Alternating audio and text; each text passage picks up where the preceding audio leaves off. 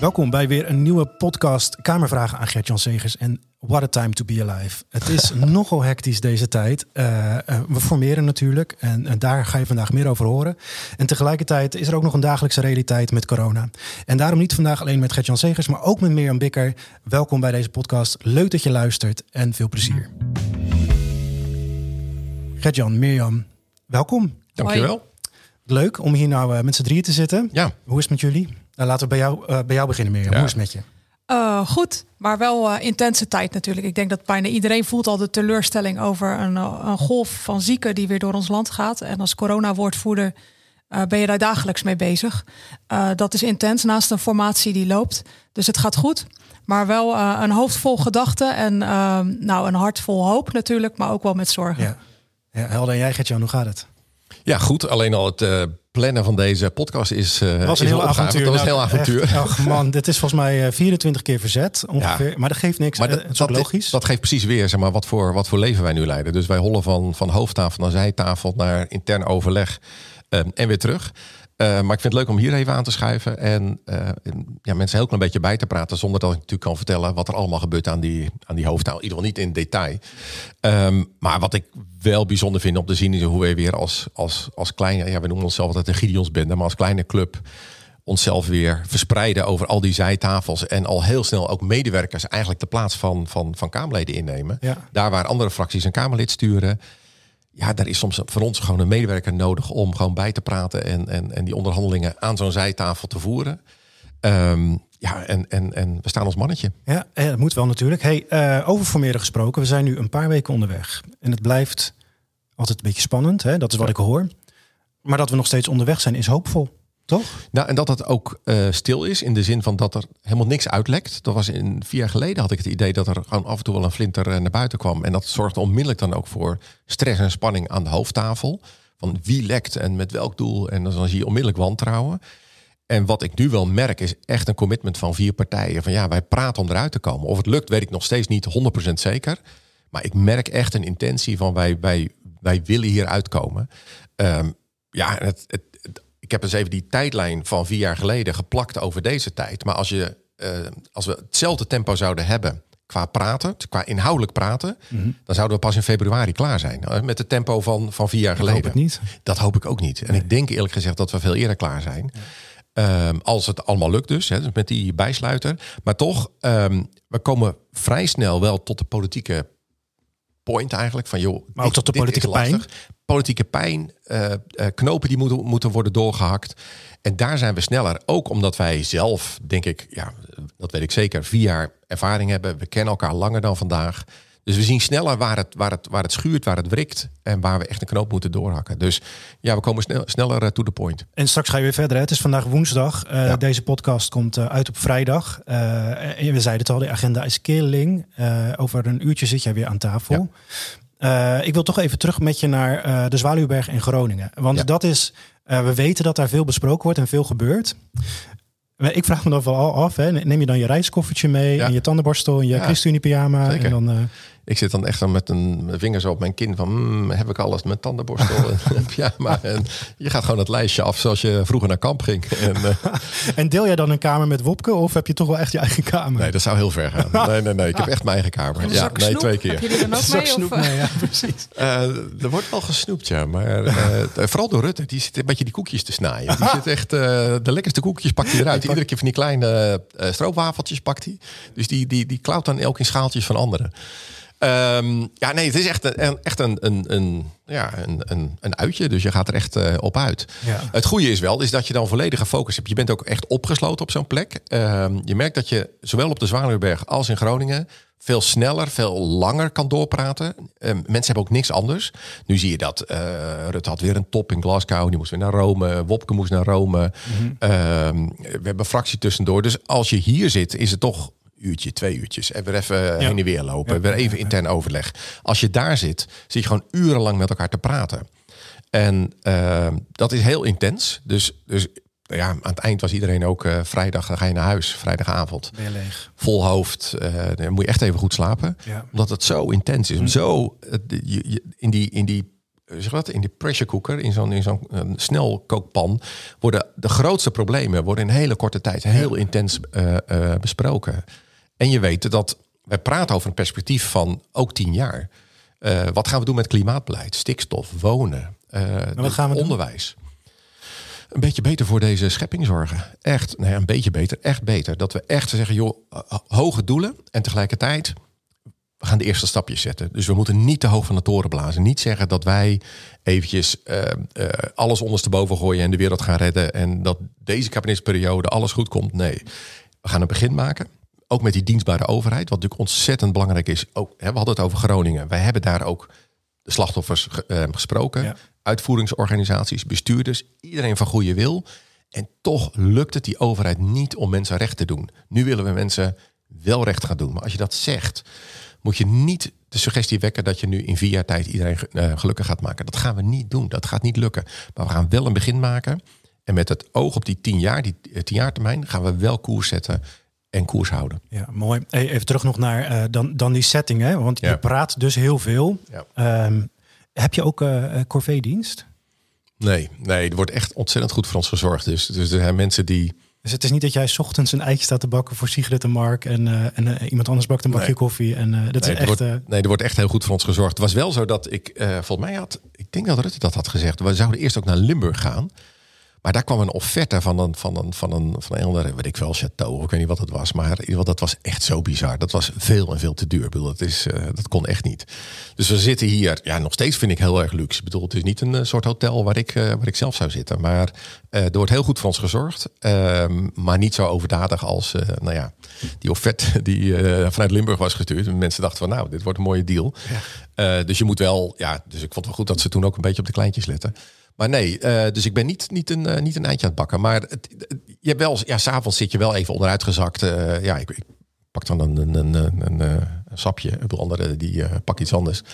Um, ja, en dan praat je ook persoonlijk met elkaar door. Dus het heeft ook wel een, een, een in sociaal opzicht wel een, een goede functie. Wordt er nou ook gesproken over corona? Ja. Dat zit toch ook altijd wel, dat hangt gewoon boven ons hoofd. En dat merk je ook bij iemand als Rutte. Dat als het over corona gaat, dat het hem ook echt raakt. Omdat je gewoon weet dat het nu heel spannend is. Ik bedoel, ik merk het aan mezelf ook. Uh, want dit is bruggetje wat je wil maken terecht. En nou ja, Mirjam die hier zit, die krijgt ook ongelooflijk veel mail. Ik krijg dat zelf ook, veel berichten. Ook berichten uit onze achterban. Mensen die heel bezorgd zijn, die verdrietig zijn, die boos zijn. Uh, ja, dat, dat doet heel veel. Dat doet ook heel veel met ons. Ja. Begrijpen jullie dat, die, die boosheid? Jij, maar jij ook meer. Begrijp je die gevoelens? Ja, natuurlijk. Ook omdat het. Um, we zitten nu anderhalf jaar, uh, alweer zelfs iets langer dan dat. Um, in een coronatijd die voor iedereen gewoon gevolgen heeft. Uh, van, van mensen die een bruiloft hebben gepland en telkens weer uitgesteld. Uh, dus, dus de vrolijke momenten van het leven kennen vaak een onzekerheid en een schaduw. Maar meer nog natuurlijk de, de verdrietige kanten. En dat mensen er niet meer zijn of heel ziek zijn of nog herstellen. Dus dat merk je. En ook hoe het aan mensen ergens vreet, die onzekerheid. Uh, ook wat komt er weer aan nieuwe maatregelen aan. En ook wel daarin de zoektocht, denk ik. Wat is, um, wat is verstandig nu? En dan zie je dat mensen verschillende afwegingen maken. En met dat we allemaal heel vaak hebben gehoopt, met nu gaat het goed komen. En dat telkens weer niet gebeurt, zie je dat bij iedereen het geduld, het even opschorten van je oordeel over dingen steeds lastiger is. Mm -hmm. Dus ik snap het heel goed. En tegelijkertijd, ja, we zullen nog steeds door deze crisis heen moeten. En ik krijg ook elke avond weer berichten van mensen uit de zorg over hoe zwaar het nu is in de ziekenhuizen. En die verantwoordelijkheid voel ik ook enorm. Ondanks al mijn chagrijn over alles wat veel mooier had moeten zijn, maar wat niet zo is. Ja, het, het, dat chagrijn voel jij zelf dus ook. Hè? En, uh, de afgelopen weken hebben we een aantal, uh, afgelopen maanden moet ik zeggen, een aantal stemmingen gehad. Uh, onder andere mm. over het CTB, coronatoegangsbewijs. allerlei maatregelen. En we zijn tegen. We zijn even gechargeerd half voor. Het is super moeilijk. Het is helaas politiek. Het zou mooi zijn als het zwart-wit was. Is het niet? Nee, uh, hoe blik je daar nou op terug hè, de afgelopen week? Want daar volgens mij zit vooral de pijn ook in het CTB. Voor een corona-toegangsbewijs. Het ja, corona-toegangsbewijs. Ja. Nou, wat je eigenlijk ziet is dat, dat bijna iedereen heeft hier weer een, een eigen verhaal bij. En dat valt me ook heel erg op in de berichten die je krijgt. Er zijn mm. mensen die zeggen, joh, ik hou me nu al anderhalf jaar keurig aan de regels. Uh, ik doe mijn best om er te zijn voor mijn naasten. Maar ik wil ook heel erg graag die kwetsbaren beschermen. En alsjeblieft, geef me daar middelen voor. Is dat een CTB, vind ik dat ook goed. Ja. Uh, maar dan kunnen we weer zoveel mogelijk uh, zo goed mogelijke samenleving zijn. En er zijn anderen die zeggen: joh, ik bescherm mezelf enorm goed, ook kwetsbaar. Ik doe enorm mijn best om daarin goed te leven. Ik ben bewust niet gevaccineerd. Ja. En alsjeblieft, voorkom nou dat ik geen deel uit kan maken van die samenleving. En beide kanten snap ik heel goed. En ik heb altijd gezegd: ik sta voor die vrijheid van, van vaccineren. Want ik vind het ontzettend belangrijk. Dat is iets wat je eigen lichaam aangaat, je eigen integriteit. En ook wat ook een zaak is van je eigen geweten. Dus daar zullen wij als ChristenUnie klip en klaar voor staan. Mm en dat is ook de reden geweest waarom wij eerder, ook in een eerdere fase, hebben gezegd: als je iets gaat doen met toegang, omdat je wil zorgen voor de volksgezondheid, moet daar altijd een optie in zitten dat ongevaccineerden toegang hebben tot publieke voorzieningen. Ja. En zo is het testen erin gekomen. Dat is echt te danken aan de inzet van de ChristenUnie ook. En waarbij wij heel erg belangrijk hebben gevonden dat die testen gratis zijn en toegankelijk.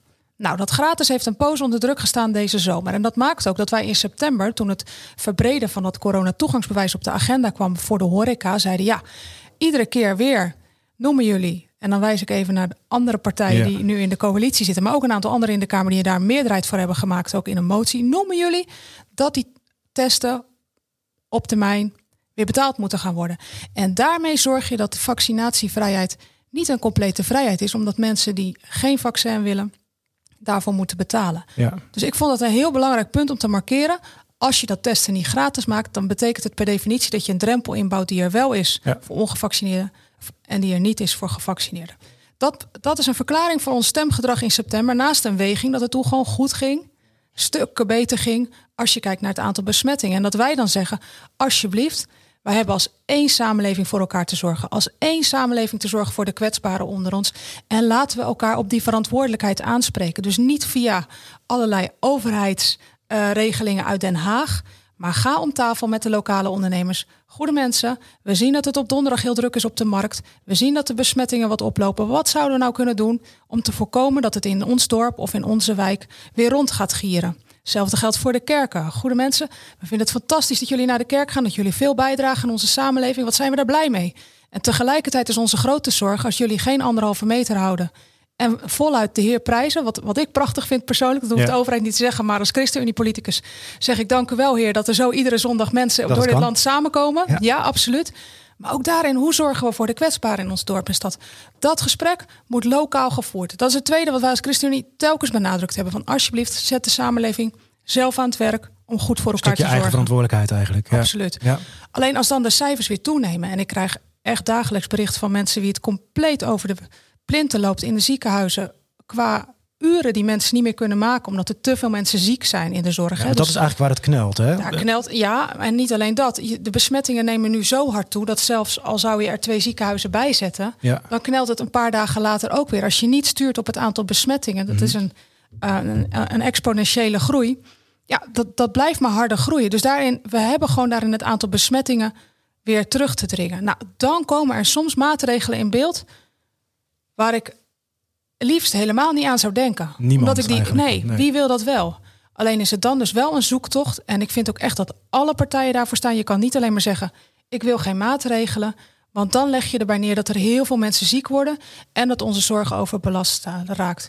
En in dat spannende dilemma staan wij hier, telkens zoekend wat is de meest passende maatregel mogen mensen kritiek op hebben. En ik merk ook dat dat er is. En dat vind ik helemaal niet erg. Laat dat horen. Maar alsjeblieft wel in het besef dat het een zoektocht is hoe we hier recht aan kunnen doen. Even aansluiten bij dat laatste, dat is echt cruciaal. Er zijn heel veel partijen die altijd overal tegen een maatregel zijn. Elke maatregel. Maar die niet het dilemma doorleven. Wat doe je met een overbelaste zorg? Wij hebben ook mensen in onze achterban die op een IC werken. Die zeggen, joh, het lukt niet meer. Het gaat niet meer. Het, het is totaal vastgelopen. Uitgestelde zorg. Mensen in mijn naaste omgeving die de zorg moeten hebben vanwege borstkanker. Die ze nu niet krijgen. Nou, dat is verschrikkelijk. Dus wat ik echt ergerlijk vind, is partijen die altijd overal tegen zijn. En als je dan hen vraagt, maar wat dan wel? Dan zeggen ze ja, IC opschalen. Ja, alsof het liggen drie weken op je buik liggen op een IC zo fantastisch is. Alsof dat, dat een fijne behandeling is. Maar het is te makkelijk. Te makkelijk om alleen maar langs de zijlijn te staan. Mirjam, wij, wij zitten midden in dat krachtenveld. We hebben aan de ene kant een overbelaste zorg. En aan de andere kant zien we de druk op de samenleving. En zien we dat er onderscheid wordt gemaakt wat we niet willen. Nou, in dat spanningveld zitten we. En dan mijn tweede hartekreet ook aansluitend bij Mirjam, prima om kritiek op ons te hebben. Prima om te zeggen, joh, ik ben het niet met die keuze eens. Of ik had hem anders gemaakt. Mhm. Waarom? Wij zijn beperkte mensen. Wij doen wat we kunnen. Wij proberen in dat spanningsveld zo goed mogelijk onze weg te vinden. Maar één ding, laten we ons in, ik zeg echt letterlijk, in hemelsnaam niet tegen elkaar uitspelen. De eenheid van christenen, de eenheid van de kerk is een eenheid in Christus en niet in een visie op corona. En dat is cruciaal. Wat ik nu merk is dat families raken verdeeld, kerken raken verdeeld. We hebben een preek van Paul Visser die dan viraal gaat en je moet of voor of tegen zijn. Onze eenheid is in Christus. En laten we dat als partij bewaren, laten we dat als kerk bewaren, laten we dat als christenen bewaren. Prima om over maatregelen te discussiëren, prima om het met ons oneens te zijn. Probeer het netjes te verwoorden, dat lukt ook niet altijd iedereen. Maar prima om dat te laten weten. Maar laten we ons nooit tegen elkaar uitspelen. Ik vind dat mooi, omdat dit online zie je dit dus gebeuren. Uh, Enorm. Het is echt, Enorm. Het is niet normaal wat er, uh, hoe mensen. Ik merk het ook op het schoolplein. Weet je wel? Ja. Ik heb vrienden die niet gevaccineerd zijn en uh, naar mij toe komen en zeggen: joh. Gast, waar ben je mee bezig? Exact. Ja. En dus dat zie je gebeuren, gevoed. Nee, vanavond heb ik een belafspraak ook met iemand die al heel lang heel trouw is in onze achterban en van alles voor onze club doet en heeft gedaan. En die echt een hartekreet heeft geschreven, lang epistel. En zegt, Gert-Jan, hoe kan het? Weet je wel, dus echt ook, ook vanuit oprechtheid, maar wel hele indringende vragen stelt. En ja, dan, dan, dan zeg ik, joh, in alle drukte, maar dan schuif ik even alles terzijde. En dan ga ik met diegene bellen. Uh, en zo moeten we elkaar opzoeken. Ik kan niet iedereen bellen. Ik kan niet iedereen, iedereen beantwoorden. Ook niet elke mail die wordt beantwoord. Hè. Dus we proberen ook door middel van zo'n podcast proberen iets te laten merken van waar ons hart klopt. Maar we zoeken echt het contact, maar zoek dat ook met elkaar. En laat je ook in je eigen familie, in je eigen kerk. Laat je niet tegen elkaar uitspelen. Maar maak de keuze om te zeggen: we gaan samen bidden. We gaan bidden voor ons land, bidden voor de kerk, um, bidden voor wijze beslissingen. En dan kunnen we aan het eind nog zeggen: joh, ik had het echt anders gedaan. Prima. Maar als je samen bidt, kun je nooit ruzie maken. Ja. Nou, ik sluit daar heel erg bij aan. En ook wel dat ik denk: wij hebben toch één hoop.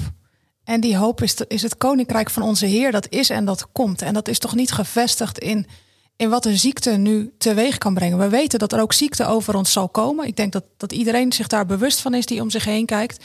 En het is aan de overheid om echt aan te zoeken hoe kunnen we daarin zoveel mogelijk zorgen dat de volksgezondheid, heet het dan met mooie woorden in de, in de grondwet, wordt bevorderd. Dat is een overheidstaak. Dat betekent niet dat we alle lijden kunnen voorkomen. En dat betekent denk ik ook niet dat we het altijd eens zullen zijn met alle maatregelen die een overheid neemt. En ook voor, voor ons is dat soms zoeken in, in ja, in, in tinten En niet per se dat het helemaal zwart-wit is. Maar dwars door alles heen zou ik dan echt willen zeggen: alsjeblieft, wij geloven in een toekomst vol van hoop. En laat ons dat ook blijven inspireren. Ook als we elkaar ontmoeten en weten hierover worden we het niet eens. Kom op mensen, we zijn het over heel veel dingen niet helemaal eens geworden. Maar we weten wel, we zoeken samen diezelfde Heer en willen zijn liefde laten zien in deze samenleving. En ik zie ook onwijs veel ChristenUnie mensen zich nu voorbereiden op de gemeenteraadsverkiezingen. En mijn hartstochtelijke oproep aan hen allemaal is: alsjeblieft, laat die lichten van hoop in je lokale samenleving zien. Want jullie zijn dat. Jullie kunnen dat laten zien. Op de dag dat we dit opnemen, Jeroen, is het de dag van de mantelzorgen. Typisch de mensen die iedere dag weer laten zien. Wij zijn er voor die ander, zonder dat wie het dan ook het ziet. Maar juist dat zijn de lichtjes in het donker. Nou, zo'n beweging is de ChristenUnie en moet de ChristenUnie blijven. En ik wil me daar heel graag voor inzetten. En daarom ben ik met alle liefde in deze tijden corona-woordvoerder. Maar het is niet mijn hele Kamerlidmaatschap. Want ik ben hier omdat ik de Heer wil volgen. En omdat ik wil zoeken wat is het goede voor dit land. En soms zal ik een denkfout maken. En een aantal van jullie uh, weten elke dag daarin wat aan te wijzen. En dat geeft ook niet.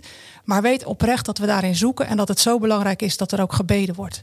En uh, eerlijk gezegd is dat ook wel een hartstochtelijke oproep. Voor deze kleine groep mensen hier. Maar op zoveel andere plekken in het land speelt dat ook. Ja. Bid alsjeblieft voor mensen die beslissingen moeten nemen. En ook als ze denkfouten maken, dat er een genadige omgeving is. Zodat je ook wat wijzer wordt. En uh, andersom wil ik ook gewoon al die mensen in de zorg, want op die dag van de mantelzorgen mag dat misschien dan wel, onwijs bedanken. Want ze gaan de derde winter in hè, met deze ellende. En allemaal hadden we gehoopt hier niet meer te staan. En toch, iedere nacht brandt er weer licht in de ziekenhuizen, wordt er gezorgd.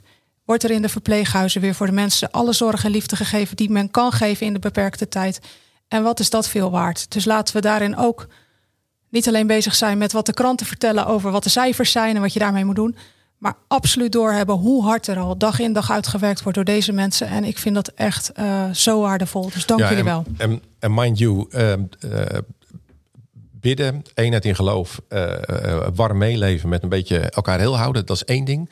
Maar twee, ook politieke resultaten. Ook echt politieke lijnen die we, die we trekken. En ik hoop dat mensen ook dat zien. Ik zit hier aan tafel met de vrouw van 670, 675 miljoen. Dat gaat over zorgsalarissen. Ja. Dat vonden ze niet allemaal grappig in de, in de coalitie, kan ik je vertellen. Ik bedoel, uh, nee, we waren aan het formuleren. De poeder het Ja, ja. Um, en toch hebben we gezegd, ja, maar wij willen salaris verhogen voor mensen in de zorg, waar nu zo'n beroep op wordt gedaan. En wij staan voor die vrijheid, die vaccinatievrijheid, waarin mensen naar eer en geweten een keuze maken en zeggen: joh, ik heb alle informatie nu gezien, ik heb alles overdacht. Ikzelf, Gert-Jan Zegers, heb me wel laten vaccineren. Ik heb er ook over nagedacht. Ik heb het gedaan. Er zijn ook mensen die ik ken, die heel gewetensvol een keuze maken en zeggen: joh, ik leef voorzichtig, ik hou afstand en ik neem die vaccinatie niet. Ik heb er te veel twijfel bij. Wij staan voor die vrijheid. Punt. Mirjam staat voor die vrijheid. En dat is echt ook een knokpartij. En, en dat gaat ook nog, ik bedoel, we hoeven nog niet helemaal alles te vertellen, maar we zitten ook nu in gesprekken binnen de coalitie waar het erop aankomt.